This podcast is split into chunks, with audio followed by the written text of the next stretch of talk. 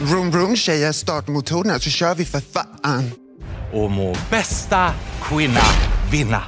Efter 14 år, 15 säsonger och hela 48 utmärkelser har RuPaul och hans Drag Race visat att tävlande drugor kan vara både bred och varaktig tv-underhållning. Två legendariska looks på catwalken. Men när den svenska versionen nu gör premiär så gör den det i hyperpolitiska tider.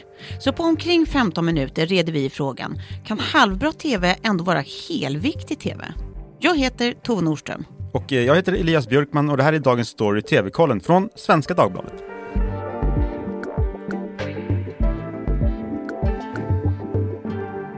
Ja, men då gör vi något eh, så tokigt som att börja från början. För jag tänker att vi ska prata lite om ursprungsformatet, RuPaul's Drag Race. Vi kan börja med att säga för den oinsatta att RuPaul är väl lite grann för drag-communityt vad Madonna är för, för popvärlden kanske. Eh, alltså the Queen Mother, the original gangsta. Mm. Eller hur? Och populär sen innan liksom. Jag ska inte rota för mycket i den jämförelsen, men Nej, det fanns väl pop innan Madonna? ja ja absolut och det fanns ju drag innan RuPaul också. Så Det var det jag menade. Ja. Men jag menar, men alltså för den breda massan. Jag förstår. Ja, så är det ju ett, ett väldigt tydligt ansikte för en rörelse eller en community. Eller en, Det var en perfekt liknelse. Det var klåfingrigt av mig. Kör på. Ja, det här programmet som han gjorde, det landade i tablån, eller fortfarande gör ska sägas, Eh, det landade i tablån 2009. Och sen dess har ju det alltså varit en fullkomlig supersuccé, heter det. Det har ju vunnit liksom fler priser än, än SD behöver eh, krishantera. Det har vunnit så mycket priser genom åren så att, eh, det är inte klokt. Eller typ Emmys och sånt. Allt möjligt, alla Ja. möjliga tv-priser. Både för programmet, alltså formatet som sådant och för RuPauls eh, personliga insatser och sånt. Prick, Nej. inget konstigt alls. Både huvudpersonen och programmet är ju otroligt varmt och det är charmigt, over the top, lite som du Elias. RuPaul själv, vi går tillbaka till eh, bakgrunden här beror på själv, han är ju alltså både producent, han är mentor, han är programledare och han är huvuddomare i det här programmet. Och ja, jag har också kollat vad han vill ha för pronomen och han är, är fine med vilket som. Man kan kalla eh, honom henne eller honom. Ladies, this is your last chance to impress me and save yourself from elimination. The time has come for you to lip sync for your life.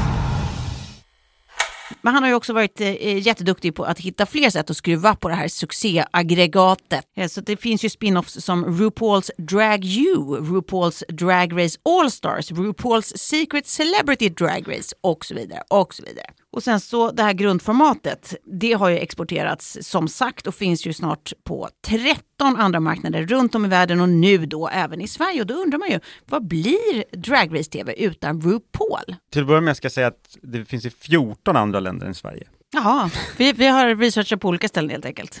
Jag Ja. kommer alltid att dra upp stämningen i studion. Nu har vi det i Sverige. Och i Sverige så har vi det med en programledare som heter Robert Fuchs. Det ska sägas att det tog sin lilla tid. Det har- det är ett par eldsjälar som har gjort att det kommit hit. Som har älskat det här programmet väldigt länge och man kan, det var en rätt kul artikel jag läste i tidningen QX eh, om liksom historien bakom. Man, da- en av de längsta förhandlingarna i SVTs programhistoria för att få hit det, två och ett halvt år har man hållit på och förhandlat. Ah. Alltså det går ju en kommersiell kanal i USA och det är ju ganska, alltså det kanske är, ja men just, det kanske var lite för over the top för SVT. Jag vet inte, jag spekulerar bara, men det tog i alla fall lång tid för att kom, landa i något gemensamt. Så man kom, fick hit det. Och det var som sagt ett par personer som har jobbat på SVT och på produktionsbolaget Mastiff som har varit ganska drivande i det här. Programledare är skådespelaren och dragartisten Robert Fuchs. Jag tycker att han försöker sig på någon sorts samma högtidligt strama uttryck som RuPaul gör. Han är inte lika karismatisk som RuPaul. Det är få som är. Nej men precis, och det är ju också en, en rätt omöjlig benchmark tänker jag. Jo, Ehm, jo, men, men RuPaul. det, o, omöjlig men också oundviklig på något sätt och jäm, och inte jämföra med. Mm. Ja, Men, helt sant. men, eh, och sen har vi ju deltagarna som, eh, jag tänker att det är ganska naturligt att det blir kanske inte lika, mer, lika färgstarka personligheter som i USA för att där har man ju verkligen fler personer att välja på. Jag kan tänka mig att det är fler som kommer till en audition i USA än i Sverige. Enorm konkurrens skruvar ju också upp insatsnivån på något vis. Det vet vi ju sedan gammalt. Och, och det är ju ofta det som blir saken med amerikanska format som sen ska eh, översättas till eh, Sverige. Det var ändå ganska underhållande att se de här pigga deltagarna som, som man ska inte göra så himla mycket. Man, jo, man ska visa sina så här häftiga kreationer, ska man ju såklart göra. Man ska ju kunna mm, gå catwalken. Catwalk. Hållningen är, är viktig och ibland så ska man kunna mima och ibland i USA ska man ibland kunna dra skämt. Ja, men precis. De får ju olika utmaningar Ja. i varje avsnitt ska sägas. Så är det ja. Eh, och, och de som lyckas Ja. sämst, ja de kommer att få mima för sitt liv Så. i slutet. Så Så funkar det. På Aftonbladet Kultur så tyckte man eh, att eh, den svenska versionen, det här sylvassa saknas, Mm. var en åsikt där. I Expressen så tyckte man tvärtom att den svenska översättningen går hem och eh, man liksom poängterar det här att det, det är ju inte en barntillåten sagostund, den är ju lite fräck. Mot originalet så står den sig ganska slätt vad det gäller skämt. På engelska så kan töntiga filmtitlar passera. På svenska så det går inte lika lätt. Alltså Mm. Nej, det blir futtigt på något sätt. Även om skämten inte är fantastiska amerikanska heller så finns det en annan leverans. Ja. Plus att priset i Sverige är 100 000 kronor. Det känns lite futtigt. Det är ju månadslön för dig. Tänk om det vore så väl. Det hade ju varit kul. Jag tycker att det är helt rimligt att göra en svensk variant av det här. Mm. Eh, om något så är man väl förvånad över att det har tagit sån tid som sagt. Det är ju i sig en liksom, underhållningsform och en community som har just show i sitt DNA. Så det är ju så otroligt tacksamt att, att zooma in på, på den, liksom, hela drag-communityn. Men två saker förvånade mig när jag tittade på den här svenska versionen. Då. Det ena är ju att det är just Robert Fuchs som fyller RuPauls programledarskor här. Eh, för han, han, jag tror att han är ett väldigt välkänt namn i initierade kretsar, men han är ju inte så bekant ute i stugorna. Liksom. Han är ju inte household på samma sätt som till exempel eh, Babsan eller Christer Lindarw är. Nej, han är nog mer känd som Sto- Stockholms stadsteater-anställd och där han Mm. hyllad för olika ting, tingsten gjorde han väl där och sånt. Samtidigt ska verkligen betonas att, att det förvånade mig inte samma sak som att jag tycker att det var dumt. Det är eh, faktiskt i det här fallet precis tvärtom. Alltså RuPauls superkraft är ju att han fortfarande är, och jag säger fortfarande för att han är, börjar bli lite till åren kommen. Eh, han är ju otroligt kvick och uppdaterad och känns alltid relevant. Alltså contemporary i, i brist på ett, jag kommer inte på något motsvarande bra svenskt ord. Eh, det, det känns han alltid. Och, och det är ju också lite ryggraden i det amerikanska programmet. Och hade man gått med någon äldre, mer välkänd riksdruga i Sverige så hade det också satt en annan ton i min upplevelse i det svenska formatet. Där det har känts lite mer eh, cabaret och eh, schlager och eh, framför allt tänker jag också att det hade varit ett annat tempo. Med just Fuchs så blir programmet lite yngre och mer energiskt och modernt. Eh, så bra val vill jag säga om det. Men sen var det ju en annan sak som förvånade mig och det var det där med att det var just SVT i slutändan som tog upp det här formatet och inte någon av de här mer kommersiella kanalerna. Där den visades också, originalet visades ju TV4 100 va, i början. you're kind of thinking about what's coming next. I think if you just have a little more fun and exhale, I think you're going to perform better and also enjoy it more. It's like with anal sex. Exactly. exactly. En strategi finns det garanterat, men det är väl något något steg i SVTs eh, inklusivitetsprogram. Eh, lite sådär, vi ska visa att TV-huset är eh, för och med alla, kanske. Och det är väl bra. Men det märks lite grann också på, på produktionen, ska man säga. att det, Jag tror inte att SVT har samma vana för att producera sådana här eh, rappa, glitsen glossiga program som det här formatet ska vara. Eh, och det blir tyvärr lite tydligt. Det finns en, en liksom ängslan kring att lyckas hålla uppe det där eh, just slapstickiga stämningen som funkar så himla bra i USA. Precis det du var inne på. Men här har man liksom försökt lösa det genom att eh, eh, manusskriva one-liners till den här stackars domarpanelen. Eh, som alla ska anspela på snusk. Och det är liksom plågsamt oorganiskt. Det är så otroligt tydligt manusskrivet. Så att det blir sån här hack i skivan så fort de, de klipps in. Liksom. Och jag tycker verkligen att det, eh, det är synd. Det stör enormt. Ja, men när det finns mycket annat som funkar med det. Alltså både Robert Fuchs som sagt, han funkar ju faktiskt väldigt bra. Och det är ju jättefint bara att följa alla de här deltagarna och deras liksom mysbitchande. Jag tycker det är, det, det är ju kanon i sig. Så man hade nog tjänat på att antingen bara skippa den delen i domarinsatserna, de måste inte vara Nej. exakt likadana som de amerikanska. Eller att man hade stoppat in folk i den domarpanelen som naturligt är väldigt kvicka och gränslösa och så bara släpper man dem fria liksom, så får man det där organiska. Mm. Det, jag tror att det är nyckelordet du har där som är organiskt. Det, just det här, in, de här inklippta skämten, är, det ger ju inte oss som tittare någonting överhuvudtaget. Och Nej. det gör ju inte någon, någon i studion det heller, för det märks att det inte är, det inte kommer på uppstuds, utan det är, något som någon ska leverera och inte gör bra. Exakt. Eh, Tyvärr så faller det totalt. Sen tror jag att det här med skämten, det tror jag är, det absolut är något som man inte fått undkomma så att säga. Ja. Alltså jag tror att man, det här varit eh, från högre ort.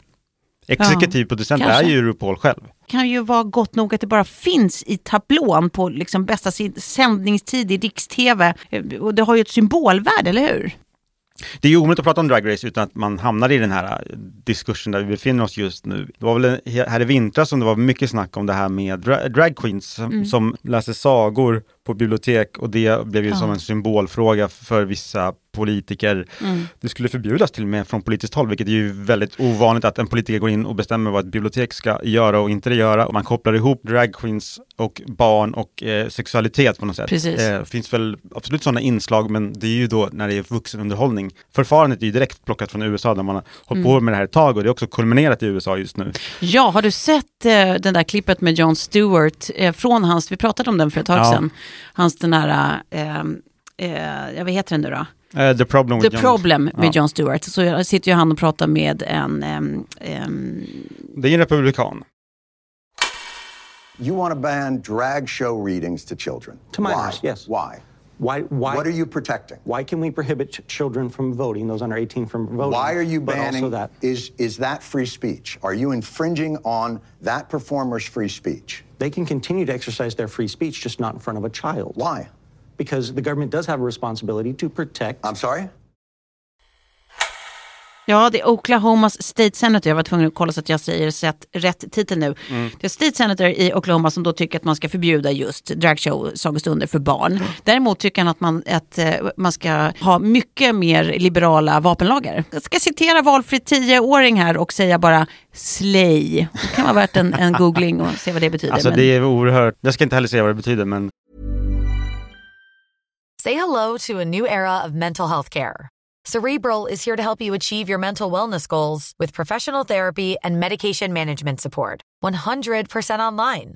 You'll experience the all new Cerebral Way, an innovative approach to mental wellness designed around you. You'll get a personalized treatment plan from a therapist, prescriber, or both in a safe and judgment free space. Your Cerebral therapist or prescriber will outline a customized plan with clear milestones along the way so you can get to feeling your best. With Cerebral, you're not alone in your mental health journey. We're here to empower you to live a fulfilling life. So take that first step towards a brighter future and sign up today at cerebral.com slash podcast and use code ACAST to get 15% off your first month. Offer only valid on monthly plans. Other exclusions may apply. Offer ends July 31st, 2024. See site for details.